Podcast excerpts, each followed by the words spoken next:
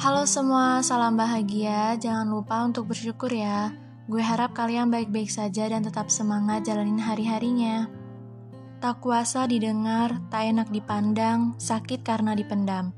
Tuhan mengizinkanku untuk dewasa sebelum waktunya, dengan memaknai hidup yang keras karena ketidaksempurnaan kasih sayang rumah yang utuh. Guys, topik yang mau gue bahas ini requestan dari teman gue, sebut saja Bulan. Yaps, tentang broken home. Menurut psikologi, broken home merupakan kondisi saat keluarga mengalami perpecahan dan terputusnya struktur peran anggota keluarga yang gagal menjalankan kewajiban dari peran mereka. Kita bisa lihat contohnya kayak orang tua sering bertengkar sehingga struktur keluarga tersebut tidak sehat secara psikologis. Ya mungkin sebagian dari kita pernah melihatnya, pernah mengalaminya, atau teman-teman kita, saudara kita yang mengalami broken home. Nah, untuk faktornya sendiri, broken home itu disebabkan karena terjadinya perceraian, adanya masalah pendidikan, adanya masalah ekonomi, ketidakdewasaan sikap orang tua kita, kurangnya rasa tanggung jawab yang dimiliki orang tua, jauh dari Tuhan, dan kehilangan kehangatan keluarga.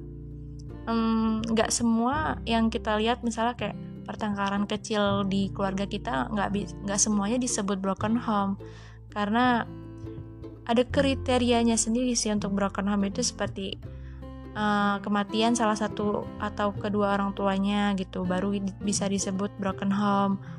Terus kriteria yang kedua itu ada divorce atau kedua orang tua berpisah atau bercerai. Nah, kriteria yang ketiga itu poor marriage atau hubungan orang tua dengan anaknya tidak baik.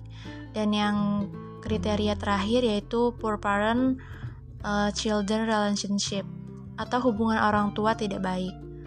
Uh, anyway, jikalau ada teman kita yang broken home, mungkin bisa dilihat dari sifatnya dia, karena anak broken home itu memiliki sifat emosional yang tinggi, pendiam, menjadi anak yang unggul, selalu sedih, atau bahkan ya yang tadi gue bilang, anak nakal, dan mereka juga bisa jadi orang yang bijaksana, lebih peka atau peduli, terus tuh bisa juga mereka menjadi orang yang tidak sopan.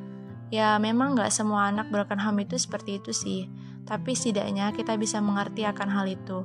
Itulah kenapa kita nggak boleh nilai seseorang dari apa yang kita lihat sebelum kita ada peluang untuk mengetahuinya.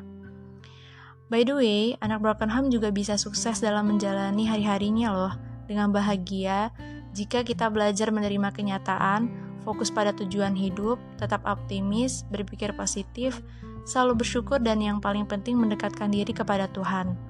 Well, apa pun yang kita hadapi, selalu ada kebaikan yang mengiringi, karena Tuhan lebih tahu yang terbaik buat kita. Jadi, mau anak broken home ataupun enggak, itu sama aja. Tergantung dari diri kitanya sendiri mau mengubah kita, membawa kita itu seperti apa. Have a nice day, see you.